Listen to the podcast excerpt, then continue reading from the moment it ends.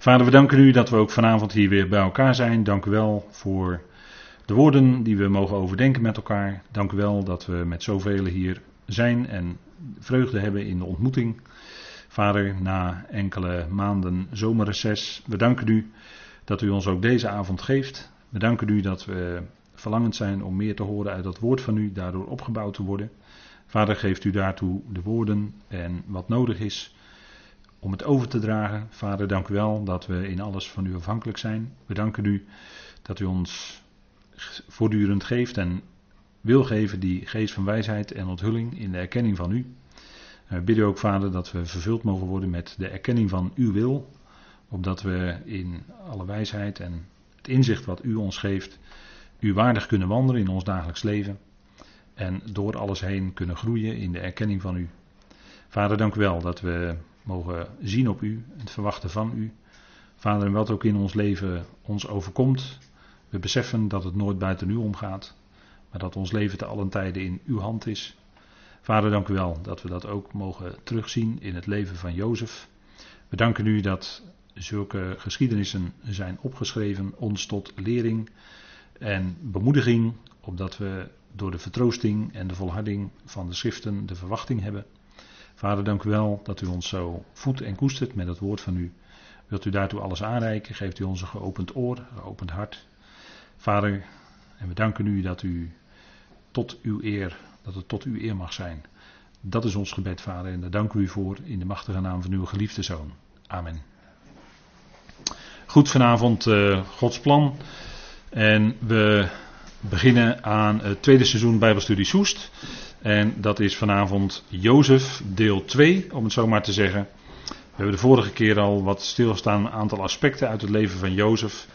Maar daar is zoveel over geschreven, zoveel over bekend geworden, dat we nog een, zeker een tweede en misschien nog wel een derde avond nodig hebben om iets van het leven van Jozef naar ons toe te krijgen en daaruit ook te leren. Hè? Want we weten uit de schriften, dat zegt Paulus ook in, uh, tegen Timotheus, dat heel de schrift ons is gegeven en nuttig is. Heel de schrift is nuttig tot onze lering, onderwijzing en opvoeding in de gerechtigheid. En dat is allemaal in genade uiteindelijk. Hè? Want we weten ons geroepenen tot het liggen van Christus. En de geroepenen weten zich dan gered in genade. Dat is onze leefomgeving. Dat is de situatie waarin we zijn. En dat blijft altijd gelden. En ons gebed is ook dat we ook in de praktijk van ons leven, dat is de gelaten brief, daar ook daadwerkelijk in blijven staan en in blijven wandelen dus. In de genade. Je kunt namelijk ook uit de genade vallen. Dat is als je weer onder regels en wetten gaat leven. Ook al is het het mosaïsche wettische systeem, ook dat geldt als je daar weer onder gaat leven, dan val je in de praktijk van je leven. Je verspeelt de genade niet, je verspeelt geen eonisch leven. Maar dan val je voor de praktijk van je leven uit de genade. Dat is wat Paulus zegt in Galaten 5. En daarom zouden we ook blijven staan in de vrijheid, dat is ook de oproep, hè? de vrijheid waarmee we geroepen zijn, dat we in die vrijheid van de genade blijven staan en leven. En dat is uh, werkelijk leven, dan geniet je ook werkelijk, daadwerkelijk in je dagelijks leven het Ionische leven. En dat zouden we ook nu al genieten, straks sowieso, want het is een genadegeschenk, maar dat zouden we ook nu al genieten hè, in ons leven, het Ionische leven. En dat leven, dat uh, kan door allerlei situaties gaan, het leven wat wij leven. En dan kom ik bij Jozef, want Jozefs leven was ook niet eenvoudig. Hij ging ook door allerlei situaties heen die hem overkwamen. En dan zeggen wij, ja, ten onrechte overkwam hem dat. Zeker, zeker ten onrechte. Maar we letten ook op de houding van Jozef. Hoe hij onder die situatie bleef. En daar kunnen wij zeker van leren. Want dat is, uh, ook dat is natuurlijk ons tot lering opgeschreven. Hè? Jozef die kreeg in feite het eerstgeboorterecht, want hij was de eerstgeborene van Rachel. Jozef, hij had nog een jongere broer Benjamin. En Rachel noemde, omdat zij, zij zou ook overlijden bij de geboorte van Benjamin. Zij noemde Benjamin eerst ook Benoni, zoon van mijn smart. Maar de naam werd later veranderd in Benjamin. Dat is de zoon van mijn rechterhand. En sommigen leiden zelfs af zoon van de laatste dagen. Maar dat is een iets moeilijker afleiding, maar daar ga ik, u niet, uh, daar ga ik niet te diep op in nu. En Jozef was de eerstgeborene van Rachel, dus in zekere zin lag toch bij Jozef het eerstgeboorterecht. En dat ging later over op uh, niet Manasse, maar op Ephraim. En Ephraim is belangrijk, want die wordt in de profetieën ook in verband met de sluiting van het nieuwe verbond. Wordt Ephraim ook in Jeremia 31 bijvoorbeeld nadrukkelijk genoemd. Hè? Dus daar zouden we wel acht op slaan. En zelfs in sommige profetische woorden wordt uh, Ephraim zelfs eerder genoemd dan Juda. Terwijl Juda staat voor de twee stammen, zoals u weet, in de profetie. En Ephraim staat voor de tien stammen in de profetie. En uh, in, bij gelegenheid wordt Ephraim zelfs eerder genoemd dan Juda.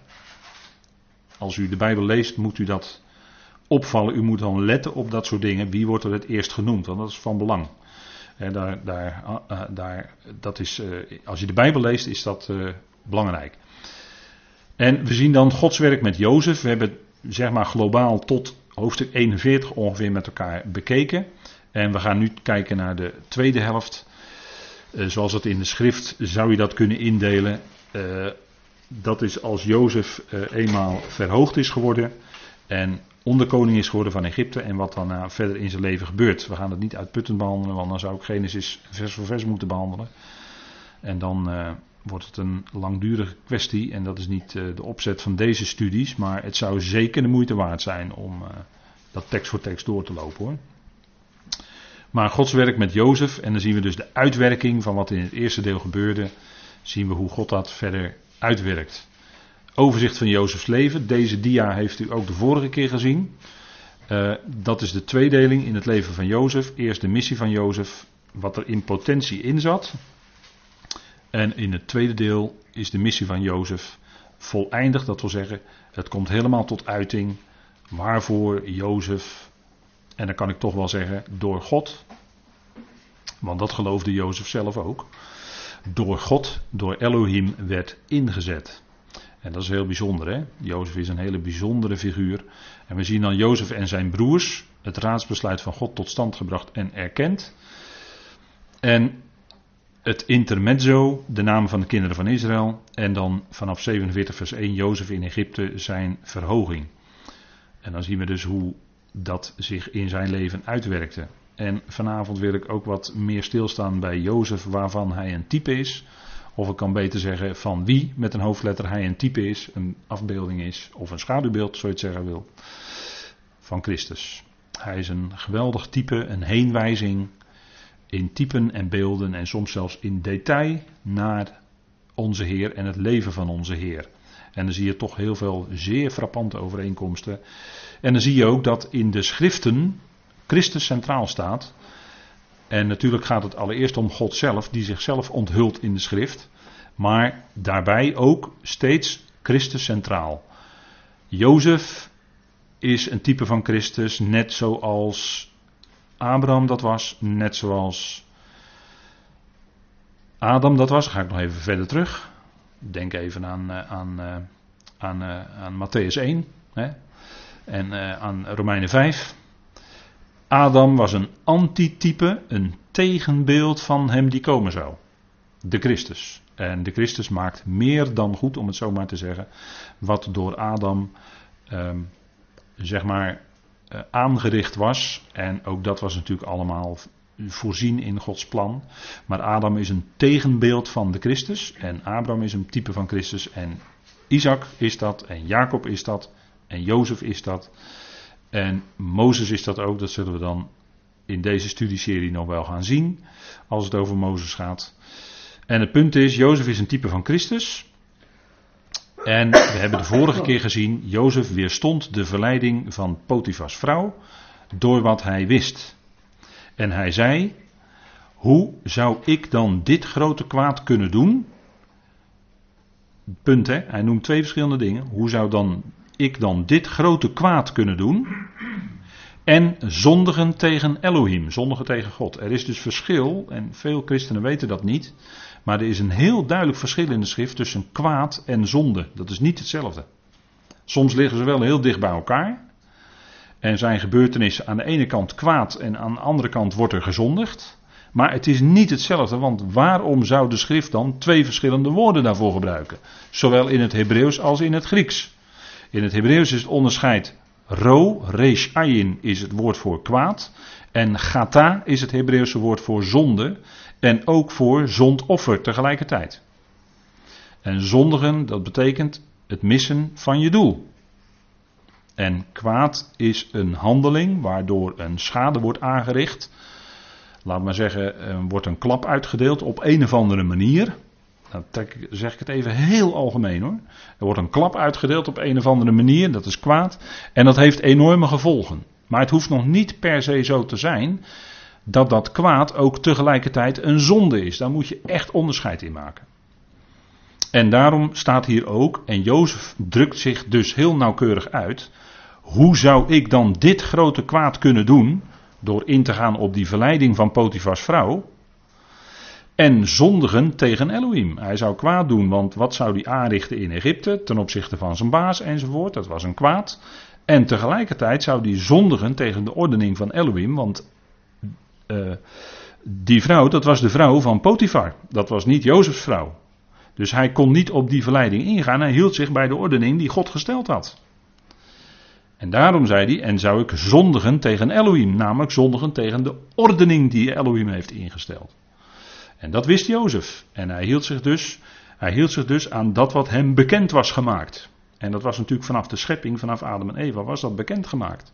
Dat was bekend onder de lijn vanuit de roeping van Abraham enzovoort. Dat was allemaal overgeleverd geworden. Was wel degelijk bekend, was ook opgeschreven. Hè. Was in de tijd van Abraham.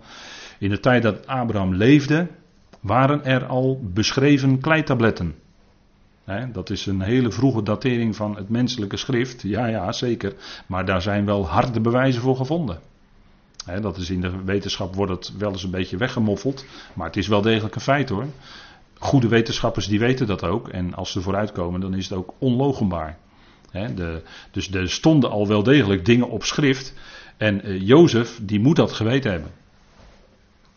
Dus daarin is hij ook een type van de Heer, want Jezus Christus weerstond de verleiding van de tegenstander. Die kwam ook in toen hij net geroepen was en hij was gedoopt in de Jordaan. Toen kwam de geest op hem in de vorm van een duif. En direct werd hij verzocht. Hè, 40 dagen was hij in de wildernis. En hij werd verzocht door de tegenstander. Ook verleiding, verzoeking. Op zijn weg. Net als bij Jozef. En hij weerstond de tegenstander door wat hij wist. Er staat geschreven. Als antwoord, hè, heb ik op deze dia gezet, als antwoord op in zowel hij was hongerig, daar werd hij op gespitst, maak van die stenen brood, op de omstandigheden, hè, honger en dorst hebben. En de tegenstander bood hem via een hele simpele weg alle koninkrijken van de wereld aan. Maar daar ging hij ook niet op in. En de beproeving, dat is dat hij zich zou werpen van de steilte, van de uh, rand van, daarvan dat, uh, van die heilige plaats. Hè. Dat is een enorme steilte naar beneden. Niet, het is niet de dakgoot van de tempel, maar het is, de, die, hij, uh, de, het is dan die steilte van het, het heiligdom, van de heilige plaats. En daar zou hij zich dan van afwerpen en zijn tegenstander, joh, dat kan je wel doen, want dan zullen de engelen van God je wel komen om je op te vangen en je te ondersteunen. Maar dat was een misleiding van de tegenstander. En daar ging de Heer niet op in. Hij weerstond die verleiding met er staat geschreven. Met wat hij wist. Dat had hij geleerd uit de schriften. En daarin kon hij ook die verleiding, net als Jozef, weerstaan. En dat was natuurlijk, en daarin was Jozef natuurlijk ook in dat opzicht, was Jozef een type van de Heer. Hè? En de naam Jozef, en nu komen we even bij een punt waarvan ik even wel de aantekening erbij maak. Dit is Joodse overlevering. Dus dit is wat, uh, wat, uh, wat vanuit een bepaalde hoek uh, rabbijnen zeggen. En ik geef het maar mee gewoon ter informatie. En verder wil ik er ook niet te veel conclusies aan verbinden, maar ik vind het wel een mooie gedachte. En het geeft wel een bepaalde toelichting op en het, ik zeg het ook in verband met Jozef. Hè. De naam Jozef, als je gaat tellen, komt die 254 keer voor in de schrift. En uh, de getalswaarde van het woord melech, dat is het Hebreeuwse woord voor koning. Als je dat helemaal uitschrijft, die letters, dan krijg je ook de getalswaarde 254. En de rabbijnen zeggen dan dat dat getal 254, dat staat voor de regering van de koning, dat is God, de koning over de hele schepping. En daar staat het getal 254 voor. En nu is het punt, dan gaan we even naar Esther, het boek Esther. Daar staat dat Ahasveros, die regeerde over 127 gewesten. Dat is de eerste verse van het boek Esther. En dan zegt een Joodse uitleg, dus ik zeg er nadrukkelijk bij, dit is een Joodse uitleg, een midrash, die zegt dat is de helft. 127 gewesten is de helft. Want 127 is precies de helft van dat 254. En dan is het maar de helft en dan staat dat dus eigenlijk voor de regering over de aarde. De helft, want er moet ook regering zijn over de hemelen, over de hemelse machten en dat is de andere helft. Maar die is verborgen. Dus de totale regering over hemelen en aarde, zegt men, is 254. Maar Ahasverus regeerde over, die had een wereldrijk, over 127 gewesten. Maar dat is maar de helft. En het gekke is dat alleen van Sarah wordt gezegd dat ze 127 jaar oud werd. Weer die 127, hè. Dat is de enige vrouw van wanneer de leeftijd in de Bijbel vermeld wordt, waarop ze overleed. En Sarah betekent vorstin. Dus je zou kunnen zeggen dat Sarah staat voor het vorst, vorst of vorstin zijn over de gehele aarde. En daarmee is zij natuurlijk een voorbeeld of een type van het hele volk Israël, wat de regering zal hebben over de hele aarde. Maar dan heb je nog maar de helft. En die andere helft die is verborgen. En dat wordt later geopenbaard. Ik geef het maar eens mee ter overweging aan u. En voor de rest zeg ik wat het is, dat heb ik u gezegd. En dan kunt u zeggen van nou oké, ik weet het ter informatie en verder ik vind het een mooie gedachte. En het geeft een verklaring voor de leeftijd van Sarah. En dat vind ik wel mooi eigenlijk. Daarom geef ik het ook door, dat dat uh, dan toch heb je een antwoord waarom haar leeftijd als enige wordt vermeld in de schrift. Dan een vergelijking, die is ook opvallend. Jozef, Daniel en Paulus. Dat zijn eigenlijk drie verschillende instrumenten in Gods hand die eigenlijk de anderen ontstijgen. Want als je bijvoorbeeld bij Jozef gaat kijken, dan zie je dat in het leven van Jozef. Eigenlijk maakt Jozef. Natuurlijk was Jozef een zondaar, net als iedereen, en had hij zonden. Maar er wordt geen enkele misser van Jozef in de schrift vermeld. Hij maakt geen fouten. En daarin is hij natuurlijk een type, en dat is natuurlijk zo beschreven, dat kan niet anders, omdat hij een type moest zijn van onze Heer, die echt zonder zonden was die echt zondeloos was. Die niet zondigde in gedachten, in woorden en in daden. Nee, hij was volkomen vlekkeloos. En zo kon hij ook het lam van God zijn, waarvan geroepen werd: Zie het lam van God dat de zonde van de wereld wegdraagt. Dat was toen Johannes Jezus zag, zei Johannes dat. Hè? En zo is het ook, Johannes 1, vers 29, hè? bekende woorden. En ehm, zo zien we dat Jozef op een bijzondere manier een type is van onze Heer, doordat er van Jozef geen enkele fout wordt vermeld. Kijk, bij Jacob kun je genoeg aanwijzen. Die was tricky en die haalde van alles uit. Abraham die ging ook op een gegeven moment uh, zijn eigen weg. En uh, via de slavin Hagar werd uh, Ismaël verwekt. Nou, dat was in feite ook een afwijking van wat God beloofd had. En als je kijkt bij Paulus, dan zie je ook, hè, of eh, als we dat vergelijken, sorry, met Jozef, dan zien we dat Jozef eigenlijk bij die aartsvaders er bovenuit steekt. Hè? En het gekke is, en dat heb ik de vorige keer gezegd ook, dat Jozef, als het gaat om een Jozef in de schrift, dan komt hij soms maar heel even naar voren en verdwijnt ook direct weer. Jozef is degene die je geneigd bent te vergeten. En dat gebeurde ook bij Jozef toen hij in de gevangenis zat. Hij verklaarde de dromen van de schenker en de bakker. En de schenker die kon vrij uitgaan en kon weer terugkomen bij de koning als schenker. En de bakker die werd opgehangen zoals u weet. Hè? Maar de schenker, daar staat er ook, de schenker vergat Jozef. Daar, daar heb je het. Jozef wordt vergeten in de schrift. Terwijl hij juist degene is die boven de andere aartsvaders uitstijgt. Dus een bijzondere. Daniel van de profeten is een hele bijzondere. En misschien wel zo bijzonder dat binnen het Jodendom bij de Haftarah-lezingen of bij de uh, wekelijkse lezingen wordt Daniel overgeslagen, evenals Jesaja 53. Hè, die worden niet gelezen. Ook opmerkelijk, want Daniel wordt door de Heer Jezus zelf een profeet genoemd. Hè? Als jullie dan zullen zien de gruwel van de verwoesting, dan gaat het om een afgodsbeeld. Hè? Een gruwel is een afgod in de schrift. Als jullie dan zien de gruwel van de verwoesting waarvan gesproken is door Daniel de profeet, dat zegt de Heer zelf hè. Dus Daniel is een profeet. Dat is dan voor ons een intikkertje.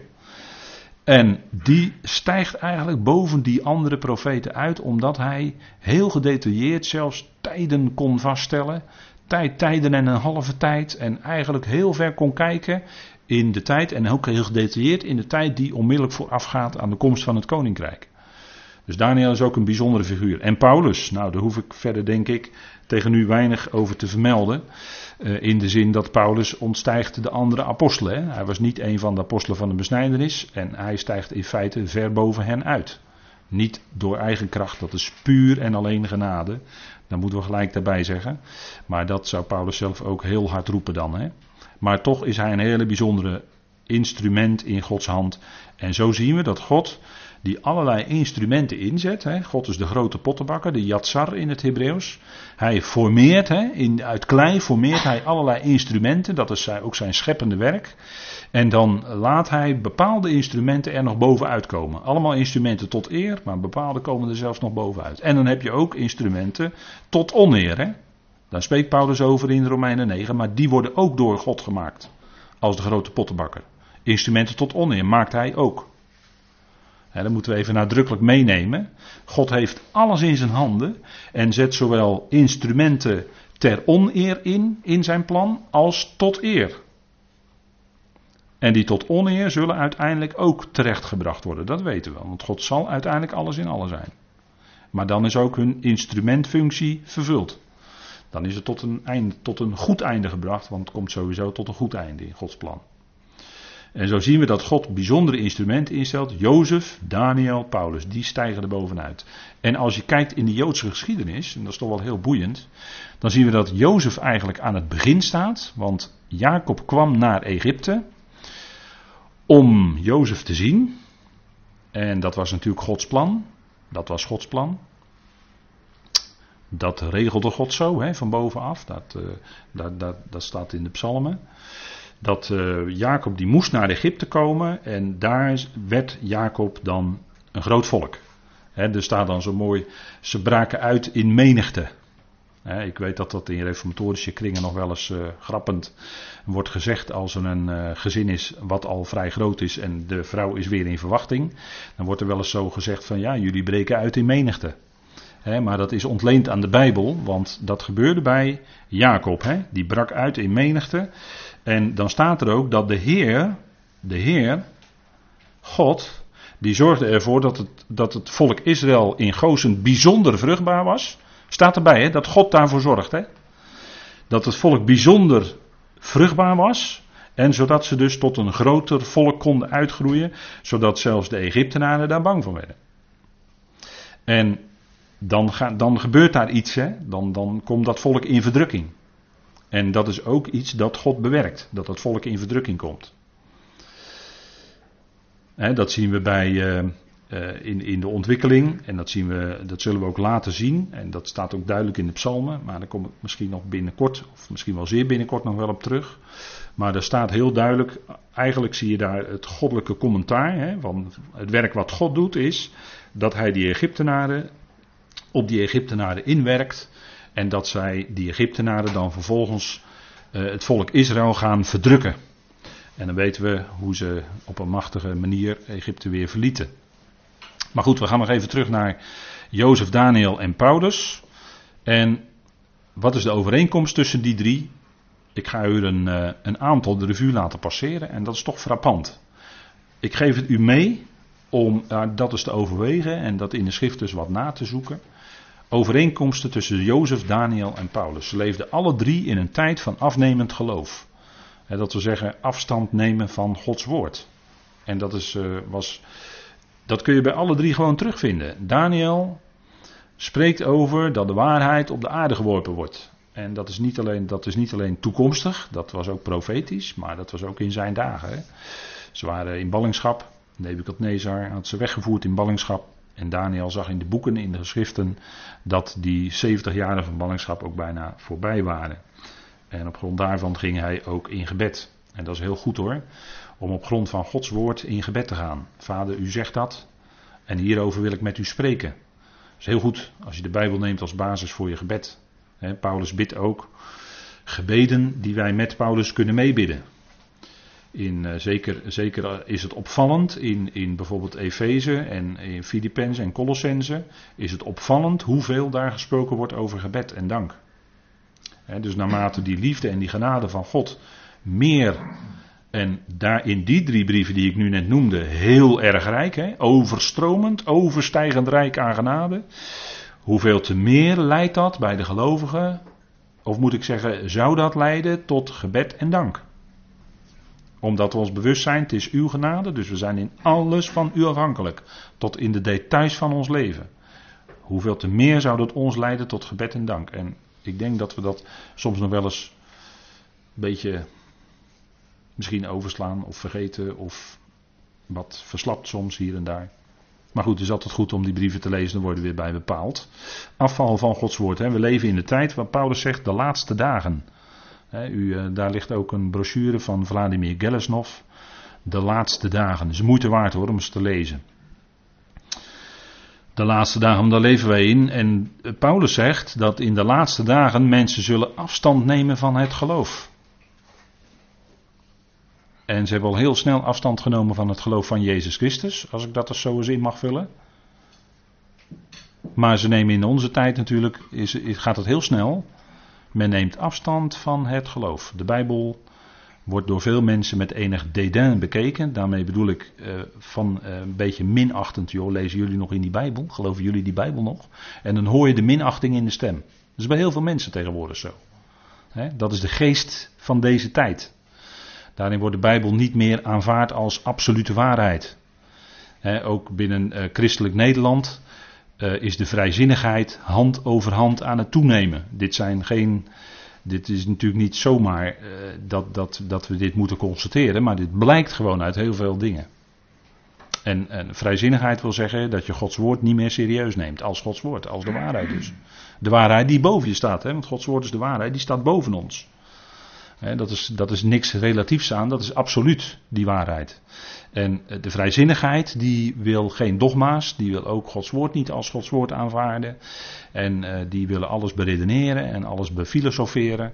Ja, ja, dat zal wel, dat zal wel. Uh, maar toch uiteindelijk is Gods woord beslissend, is bepalend voor wat het zegt over ons leven en over de toekomst en over hoe het zal gaan met Israël en de volkeren.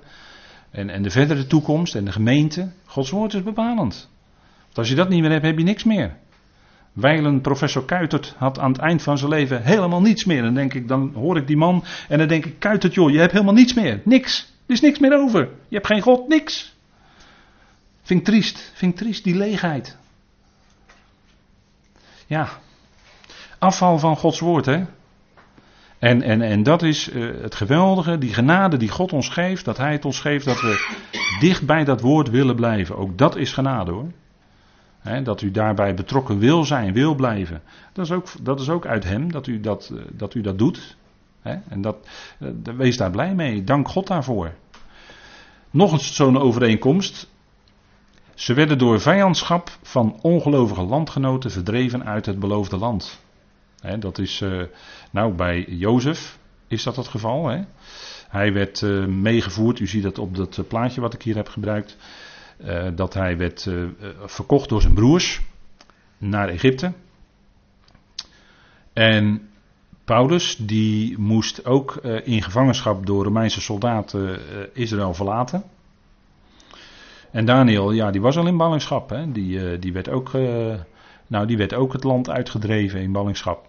En uh, op hoge leeftijd gekomen mocht hij dan profiteren. Maar ook Daniel overkwam dat. Hè? Dus dat is ook zo'n overeenkomst hè, tussen die drie. En nog zo'n overeenkomst is dat ze werden uitgekozen om Gods naam uit te dragen aan de natieën, de koningen en de kinderen van Israël. dat werd bij Paulus natuurlijk heel nadrukkelijk bij zijn roeping direct al gezegd. En er werd ook bij gezegd bij Paulus hoeveel hij zou lijden, lijden, ter wille van zijn naam, ter wille van de naam van de Heer. En als ook ons lijden in ons leven overkomt, dan is dat niet, uh, dan is dat niet toevallig. dat is niet zomaar dat het je overkomt uit toeval, uh, zomaar. Nee, dat lijden, eh, dat is een instrument in Gods hand zelfs. In ons leven. En, en ieder mens lijdt, hè? een ongelovige lijdt en een gelovige lijdt. Maar een gelovige kan nog meer lijden door wat hij gelooft. dat je eenzaam, eenzamer wordt, dat je alleen komt te staan. Dat, omdat mensen dat woord niet willen. Dat lijden, hè. En dat overkwam Paulus natuurlijk. En dat overkwam Jozef. Hij werd door zijn broers verworpen. Hij hield zich aan wat zijn vader had gezegd, Jozef. En daarom werd hij door zijn broers verworpen. En deze zin zou ik, die ik net uitsprak, die zou ik ook uit kunnen spreken over de Heer Jezus. Hè? De Heer Jezus werd door zijn broeders naar het vlees verworpen, omdat hij zich hield aan de woorden van zijn vader. Ziet u hoe Jozef een type is van de Heer? dat, en Daniel, die hield zich ook aan dat woord. Ja, en daarom zagen mensen hem bij gelegenheid ook niet zitten. Ook zijn overeenkomst. En Jozef, Daniel en Paulus, ze zijn representanten van de ware God en zijn volk bij heidense hofhoudingen. Dus ook zo'n merkwaardige overeenkomst. Hè? Jozef kwam bij de farao, dat was een wereldleider van die dagen. Daniel kwam de droom verklaarde ook trouwens. Hè? Jozef verklaarde de droom en Daniel verklaarde ook de droom. Aan Nebukadnezar, ook een wereldleider van die dagen. Ook zo'n merkwaardige overeenkomst. Hè? En dan Paulus, die kwam voor Felix. En later, hij had zich op de keizer beroepen. Dus hij kwam zelfs bij de keizer, bij de Caesar in Rome uit. En hij kwam ook aan het hof. En later zegt hij ook dat er heel wat gelovigen zijn. Eh, die behoorden dan tot een bepaalde huiskring. En daarvan waren ook een aantal die waren bij, in het hof. Hè? Die waren bij de hofhouding van de, van de Romeinse keizer. Ook heel bijzonder. Maar zo, ook Paulus kwam dus voor uh, koningen te staan, hè, voor heidense uh, machthebbers. Dus weer zo'n merkwaardige overeenkomst. Dan, ze ontvingen visioenen die Gods raadsbesluiten over zijn volk onthulden. denk maar aan Jozef. Wat er in de toekomst zou gebeuren met zijn volk. Denk aan Daniel, die over dat beeld. U weet wel, dat grote beeld wat hij zag, dat werd door een steen totaal verpletterd in Daniel 2 en Daniel 7, Daniel 8. Al die visioenen, nou die hebben we met elkaar besproken in de Bijbelstudie van Daniel. Die zijn er allemaal nog na te luisteren. En mensen doen dat hoor, mensen doen dat. En dat is bijzonder, want we willen natuurlijk zo dicht mogelijk bij die schrift blijven. En ook Paulus zag visioenen, hij werd opgetrokken tot in de derde hemel. Dus hij had een blik gekregen in waarschijnlijk de nieuwe schepping de nieuwe aarde, de nieuwe hemel. En daar heeft hij woorden gehoord die hem op dat moment, toen hij dat in Korinthe schreef, nog niet mocht uitspreken, maar later wel. Later heeft hij ze wel opgeschreven en uitgesproken. Maar hij zag vergezichten. Niet alleen over wat de gemeente zou uh, toekomen, hè, het lichaam van Christus, waarover hij in de Efezebrief op een hele bijzondere manier schrijft. Hè, de hoge roeping van de gemeente. Maar hij schreef natuurlijk ook over de toekomst van Israël in Romeinen 9 tot 11. Ook zo'n bijzonder gedeelte in de schrift. Wat zo vaak ook misverstaan is, helaas, helaas. Maar wat schreef hij daar bijzonder over de toekomst voor Israël? Want hij zegt toch in Romeinen 11, al zo zal geheel Israël gered worden. Wanneer die verlosser komt. Romeinen 11, vers 25, 26. En hij zal de zonden en de goddeloosheden van Jacob wegnemen.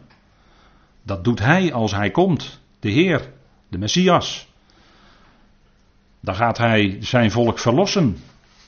En dat is als die verharding die voor een deel over Israël gekomen is, zegt Paulus. Dat is een heimenis voor veel mensen. Maar het is voor een deel over Israël gekomen. En het is ook God die dat doet. Maar die zal op een dag zal die, die verharding opheffen. Door zijn geest aan hen te geven. En dan zal hij met hen komen in dat nieuwe verbond. Wat gesloten zal worden met het huis van Israël en met het huis van Juda. de complete twaalf stammen. Daar zal God zijn geest in gaan geven. En dan zullen ze weer staan aan de spits van de volkeren. God heeft zijn volk niet verstoten. En met zijn volk bedoel ik hier Israël. En dat kan ook niet anders dan zijn volk zijn, Israël. Is geen andere mogelijkheid in de schrift.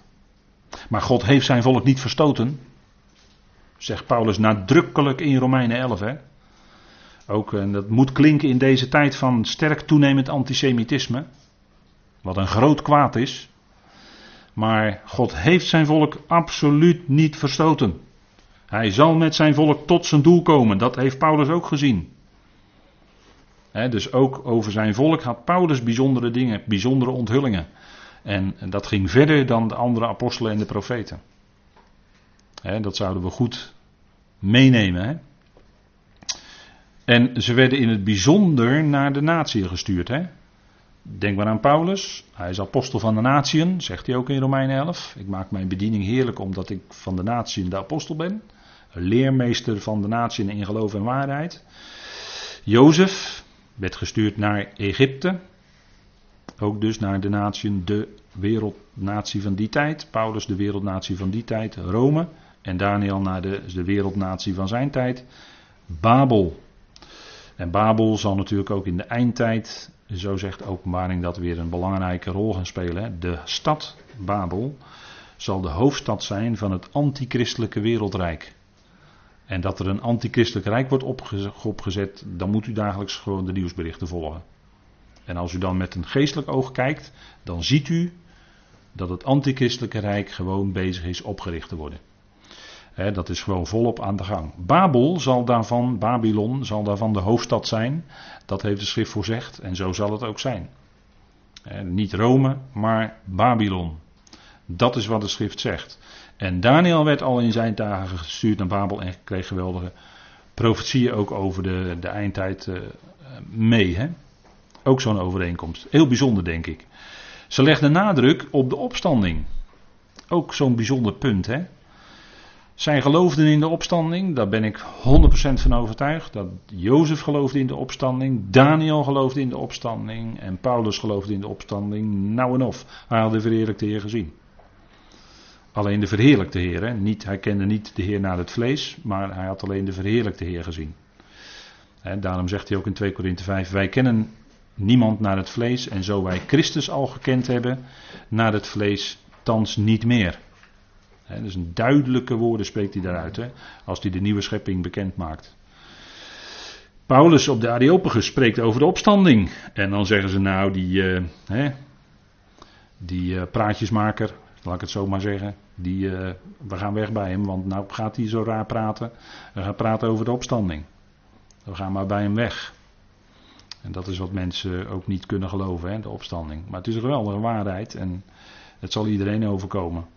Jozef, die uh, in, in typen, hè, hij werd eerst geworpen in de put. Dat is een bekend beeld in de Bijbel van de dood. Hè, als je in een put terechtkomt, dan uh, kun je het wel schudden eigenlijk. Hè. Of als je in een gevangenis terechtkomt, dat is ook zo'n ander beeld van de dood.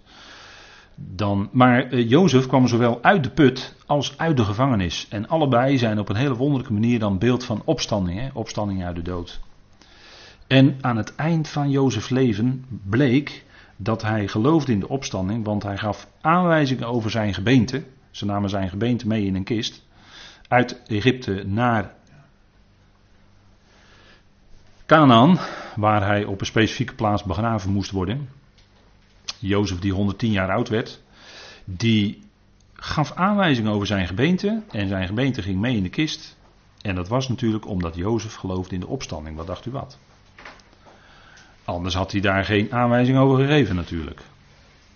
Daniel. Daniel kwam in de leeuwenkuil. Daniel 6, hè? prachtige geschiedenis natuurlijk om op zonderschool te vertellen. Die leeuwen die, eh, die aten hem niet op. En er kwam wonder boven wonder uit die leeuwenkuil. Ook een geweldig beeld van opstanding. want normaal gesproken was, betekende dat absoluut de dood. Maar het overkwam hem niet. Hij kwam eigenlijk bij wijze van spreken, zou ik met Hebreeën 11 zeggen kwam hij weer uit die doden terug, uit die leeuwenkuil. Hij had eigenlijk dood moeten zijn en was dat in feite ook, hè? zo werd hij beschouwd. Maar hij kwam er weer uit, dus hij kwam weer tot leven. En dat is opstanding uit de doden. Prachtig hè. En vuur, Zaterdag, Meester en Abednego. Normaal gesproken zouden ze in die vurige oven gedood zijn. Daar kom je onmiddellijk in om, in zo'n vurige oven. Die werd zo heet gestookt. Maar zij kwamen er niet in om. Zij kwamen daar weer levend uit. Was in feite ook opstanding uit de doden.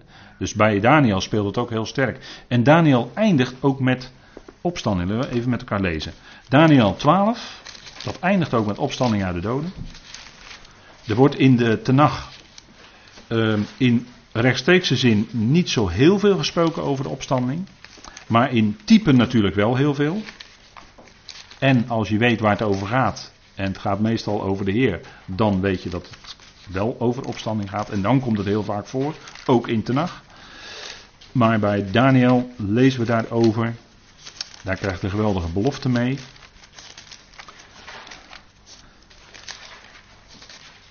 Daniel 12. Dat is eigenlijk heel makkelijk te onthouden, want het, is het, uh, het, is het, uh, het zijn de laatste versen.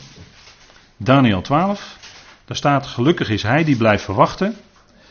En de 1335 dagen bereikt. Dat is gerekend vanaf het midden van de laatste jaarweek van Daniel. Ik zeg dat nu even heel snel. Ik ga dat niet verder toelichten. Daarvoor verwijs ik u naar de studies over Daniel. Maar het is gerekend vanaf het midden van de laatste jaarweek van Daniel. En dan staan ze dus op feitelijk 75 dagen na de wederkomst van Christus op de Olijfberg. 75 dagen daarna is daar een opstanding. Want er staat in vers 13: Maar jij ga heen tot het einde, want jij zult rusten. Mooi beeld, mooie beeldspraak voor de dood. En je zult opstaan in je bestemming. En dan staat er eigenlijk het woord voor lotdeel. Er wordt verwezen, met het woord wordt verwezen naar lot of lotdeel. Aan het einde van de dagen. Welke dagen? Nou, die 1335, want dat hebben we net gelezen. Dus je moet altijd kijken van wat betekent dat nou, het einde van de dagen. Dan moet je altijd in de directe context gaan lezen en dan vind je meestal het antwoord. En dat is dan hier 1335 dagen. Dan is de opstanding van de rechtvaardigen. Dan zullen alle rechtvaardigen opstaan. De rechtvaardigen uit Gods volk. En waarschijnlijk ook de rechtvaardigen uit de andere volkeren. Die hebben dan, kunnen dan eventueel ook deel hebben aan die opstanding. Maar dat zeg ik even met een beetje reserve. De opstanding van de rechtvaardigen. Dus het boek Daniel eindigt ook met de opstanding. Dat is ook zo'n overeenkomst. Nadrukkelijk wordt verwezen naar de opstanding. En dat doet Paulus natuurlijk als geen ander in 1 Corinthië 15. Dat doet verder geen betoog. Die, zijn brieven staan er vol mee. En dat is wat ze deden. Weer zo'n overeenkomst. Nou, dan gaan we kijken naar Jozef. En dan zoomen we weer in op Jozef. En Jozef, en ik heb u de vorige keer dacht ik toch wel even aangegeven dat we wat zouden kijken naar beelden en typen in het leven van Jozef, naar de toekomst. want zijn leven zit daar eigenlijk vol mee met typologie. We kunnen niet dat uitputtend doen, want dan zouden we vers voor vers moeten behandelen. Maar we kunnen wel een aantal dingen aanstippen vanavond. En dat doe ik opdat u verder nieuwsgierig wordt. Hey, wat is die schrift rijk? En hey, wat kan ik daar nog meer in terugvinden? En eh, bijvoorbeeld, dat hebben we met elkaar besproken, zijn broers waren in Dotan, niet in Sichem. En u weet waar Dotan voor staat. Dotan staat voor, Dotan betekent dubbele bron. Dus dan heb je naast de bron Gods woord, heb je nog een andere bron, overleveringen, tradities, uh, menselijke uitleg. Uh, wat moet ik allemaal daarvoor invullen? Je hebt een andere bron, dan heb je dus dubbel. En daar waren die broers mee bezig. Ze waren ze hadden wel Gods woord, maar ze waren ook bezig met een andere bron waar ze uitputten. Dus ze waren niet op de plek waar ze moesten zijn, namelijk in Sichem. Want daar had Jozef gedacht dat ze waren. Daar zouden ze zijn, of zouden ze moeten zijn. Sichem staat voor dat wat God beloofd heeft. En als je dat verder nazoekt in de schrift voor het nieuwe verbond, wat God zal sluiten, daar heeft Sichem alles mee te maken. De Samaritaanse vrouw zat bij de bron van Sigar, dat is eigenlijk ook Sichem. Samaritaanse vrouw. Daar is die hele geschiedenis van dat de Heer daar die Samaritaanse vrouw ontmoet, is het decor wordt uitgebreid beschreven. En dan moet, je, dan moet je erop letten. Als het decor zo nadrukkelijk punt voor punt wordt beschreven, moet je erop letten, want dan ga je ontdekken waar het eigenlijk over gaat. En de Heer ontmoette natuurlijk in die Samaritaanse vrouw zijn volk. Bij de bron van Sigar. En hij gaf aan die vrouw water, waardoor ze nooit meer dorst zou hebben. En dat zal Israël ook krijgen. Water waardoor ze nooit meer dorst zullen hebben, namelijk dat nieuwe verbond, dat nieuwe leven, wat hij in hen zal geven door zijn geest.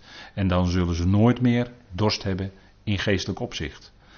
En dat is wat eigenlijk die hele geschiedenis bij Sigar voorstelt. Want dan komt in feite de diepe betekenis van de Torah zelf. Want ze had vijf mannen gehad, weet u wel, vijf. Dat is het uh, getal ook van de Torah, hè, van Genesis tot en met Deuteronomium. Ze had vijf mannen gehad en ze zei ook, degene die nu mijn man is, is eigenlijk mijn man niet. Daar had ze helemaal gelijk in. Maar het ging om die vijf, het ging om die Torah. En daarin zit verborgen dat leven. En het komt werkelijk tot leven als we in die Torah in alle delen Christus gaan zien. Want Hij is degene die de Torah en de Tenach tot leven brengt. Zonder Hem is de schrift doods. Maar als het draait om Hem, dan komt de schrift tot leven. En dan krijg je uit de schrift ook leven. En dat is wat Hij gaf aan die Samaritaanse vrouw. Kijk, dan krijgt die geschiedenis wat diepgang. Hè? Dan weet u waar het over gaat. En, en dat geeft de Heer aan zijn volk. En dat doet Hij niet omdat het volk zo op zoek is naar Hem. Nee, want Hij komt en dan zal hij de goddeloosheden van Jacob, zei ik net, staat in Romeinen 11, die zal die wegdoen. En daar zullen ze dan mee bezig zijn, met de goddeloosheden. denk maar wat er gaat gebeuren in de grote verdrukking, heb ik u net gezegd. De gruwel van de verwoesting. Maar dat zal hij van hen wegnemen en dan zal hij met hen komen in dat nieuwe verbond wat beloofd is. Tuurlijk, het is beloofd, dus God gaat het doen ook. En dat is wat, waar het Joodse volk ook mee bezig is, bij voortduring, bezig met de overleveringen van de Vader. Nogal wat inzettingen die de Joden houden komen uit de Talmud. Er komt heel wat uit de Talmud. Er komen ook dingen uit de Torah zelf, zeker. Maar ze hebben ook allerlei gebruiken die gewoon uit de Talmud komen. Dat is een bron naast de Bijbel. En hoe waardevol die ook soms kan zijn, de Talmud. Maar toch is het een bron naast de Bijbel. En daar waren ze mee bezig. En daarmee waren ze ook wettisch bezig om dat allemaal in acht te nemen. En het gaat dan meer eigenlijk om de traditie He, rabbijnen zeggen dan, ja, waarom doen jullie dit allemaal? Er wordt dan bijna gevraagd. En dan zeggen ze, ja, dat is om de traditie door te geven naar het volgende geslacht. Het gaat om de tradities. Wordt gezegd. Nou, de Heer gaat in opdracht van zijn vader naar zijn volk. En hij ontmoet dat volk dan. En wat vindt hij bij dat volk? Een, uh, ja, hij ziet daar een onvruchtbare vijgenboom. Maar wel vol in blad. En dan gaat hij eens achter die blaadjes kijken en geen vrucht. Want het was, uh, en hij zegt, ja, het was de tijd voor de vijgen nog niet. Maar het was wel een beeld van zijn volk wat op dat moment geen vrucht droeg. Dat ontmoette de Heer. Daar had hij verdriet van, daar had hij pijn van. En daar gaat u er maar vanuit dat hij s'nachts op de berg met vader daarover sprak, over zijn volk. Dat het, uh, Paulus had er voortdurend hartzeer over dat volk en was in gebed tot God. En u bidt ook voor Israël we bidden voor Israël. En denk erom dat de Heer dat ook gedaan heeft toen hij te midden van zijn broeders was naar het vlees. Dat hij voor ze gebeden heeft. Denk erom. Daar had hij verdriet van dat hij dat allemaal zag. maar ze waren bezig met de overleveringen. Nou, dat, dat, is, dat is een overeenkomst tussen Jozef en, uh, en, en de Heer zelf. Ze, ze, gingen uit naar hun broeders en wat ontmoetten ze? Ze, waren, ze zijn bezig in Dothan en niet in Sichem. Dat is een belangrijke les voor ons als gelovigen, want alles is ons tot lering opgeschreven. Dat we ons primair bezighouden met de schriften zelf, want daarin, hè, daarin is dat leven van, van God, wat onze geest eh, verder, dat leven in ons stimuleert, dat leven van Christus stimuleert en activeert, hè, als we bezig zijn met die schriften, Opdat we meer tot eer van Hem wandelen. Opdat we dieper in die waarheid doordringen. En meer als een geestelijk mens naar de dingen gaan kijken. Het is de bedoeling dat we opgroeien van baby naar volwassen in het geloof. Ik kan ook zeggen, het is de bedoeling dat we groeien van een ziels naar een geestelijk mens. Maar daar is groei voor nodig. Dat ben je niet van de een op de andere dag. En daar is, de schriften is essentieel daarin.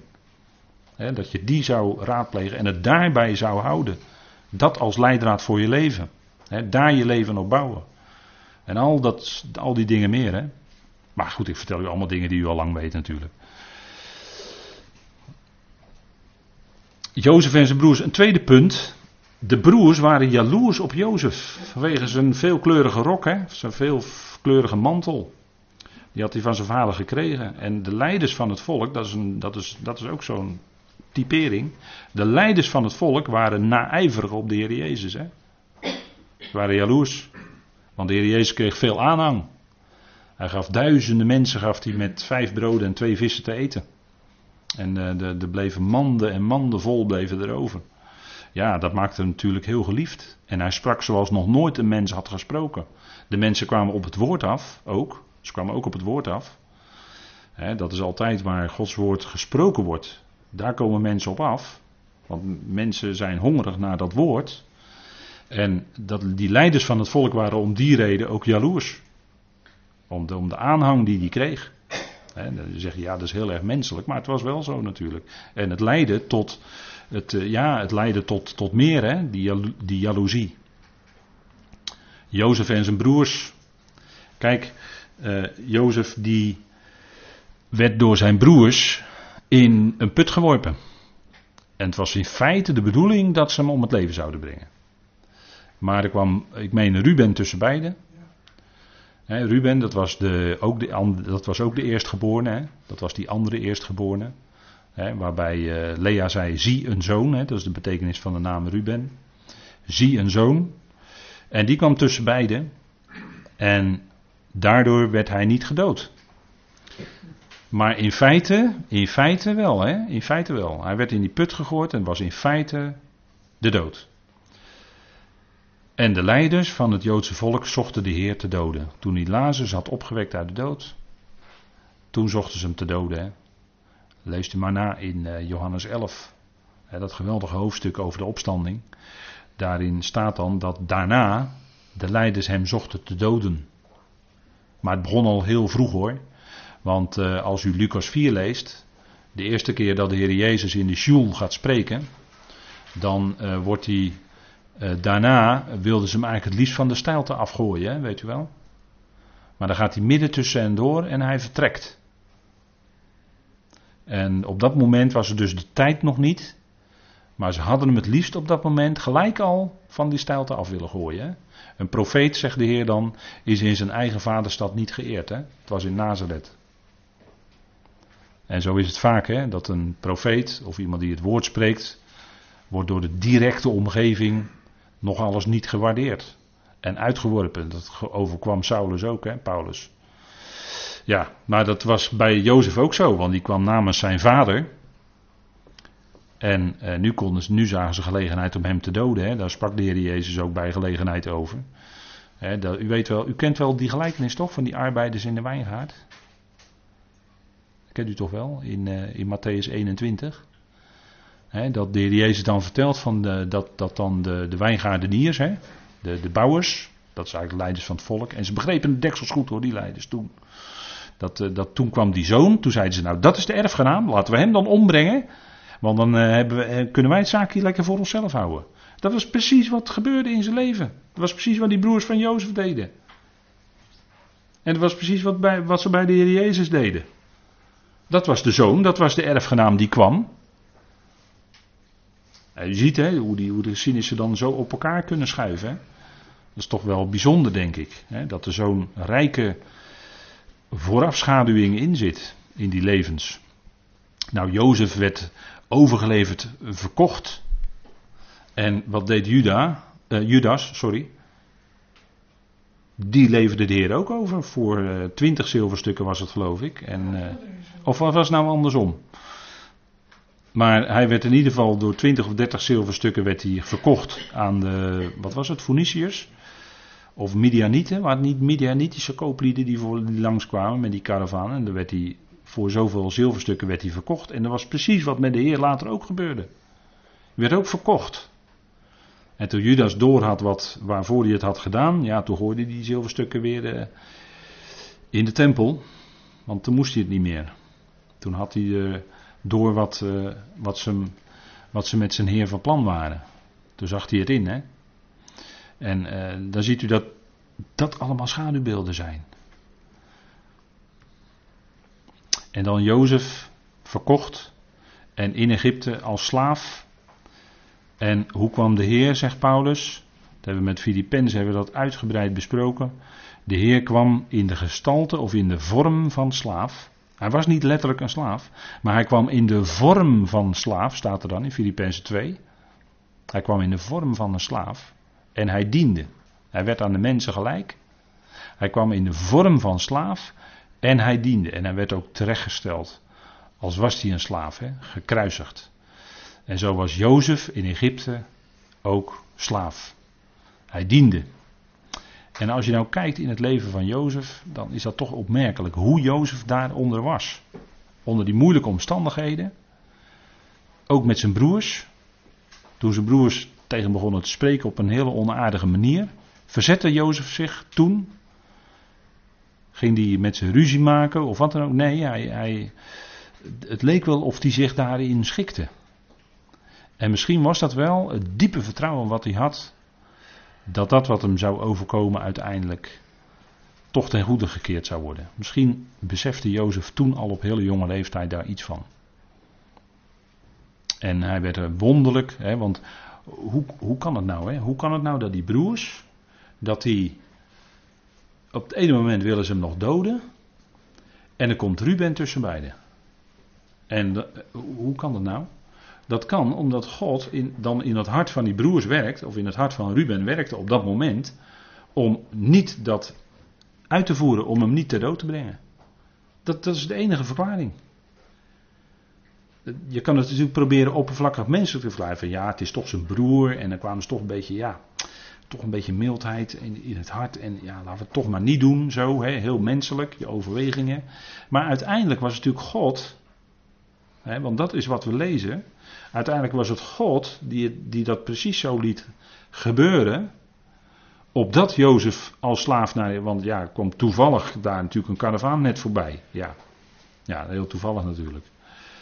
Kan je zeggen, ja, het was misschien wel een drukke karavaanroute waar voortdurend karavaans voorbij komen. Ja, dat zal best, maar ze werden, hij werd verkocht en hij kwam uitgerekend in Egypte terecht. En wij weten natuurlijk hoe het verhaal verder ging. Maar boven dat alles is natuurlijk God die dat precies zo leidde naar zijn plan. Dat was Gods plan. En vandaar hebben we het over in deze studieserie. Gods plan is alles Gods plan. Ja, het antwoord is ook hier weer: ja, alles is Gods plan. En dat is alleen maar, dit, zijn dingen die alleen maar illustratief zijn. Dan zegt u ja, Jozef en, en het ging om een wereldleider. En wereld, hè, dat was toen en dat was in die situatie. En dan hoor je er al achter komen, maar. En nu in ons persoonlijk leven, ja, daar komen ook in uw en mijn persoonlijk leven de dingen die gebeuren. Waar u geboren bent, in welk gezin en wat u heeft meegemaakt tot nu toe. Dat gaat niet buiten God om. Maar dat is ten diepste toch Gods weg met u, in uw leven. En op momenten dat het moeilijk is, als je onder druk staat en je lijdt, heb je daar heel moeilijk mee. En kun je dat eigenlijk maar moeilijk aanvaarden. Maar als je jaren later gaat zien wat voor vrucht eh, bijvoorbeeld de druk in je leven teweeg heeft gebracht, in je leven, hè, dat bedoel ik dus geestelijke vrucht, dan kun je God ervoor danken en dan kun je God zelfs danken voor die moeilijkheden, voor die verdrukkingen die in je leven waren. Want zonder dat zou je niet zo geestelijk gegroeid zijn. Mag ik het even zo zeggen? En ik heb, toen ik in de Aker sprak over Romeinen 8, heb ik Joni aangehaald. En dat is een heel duidelijk voorbeeld, vind ik. Dat is een jonge vrouw, die kreeg door, door te duiken een dwarslesie. Dus die, kwam, die kon niks meer. En die kwam tot, door al die jaren heen tot het besef. En die dankt God nu voor de situatie waarin zij is. Dat is wat.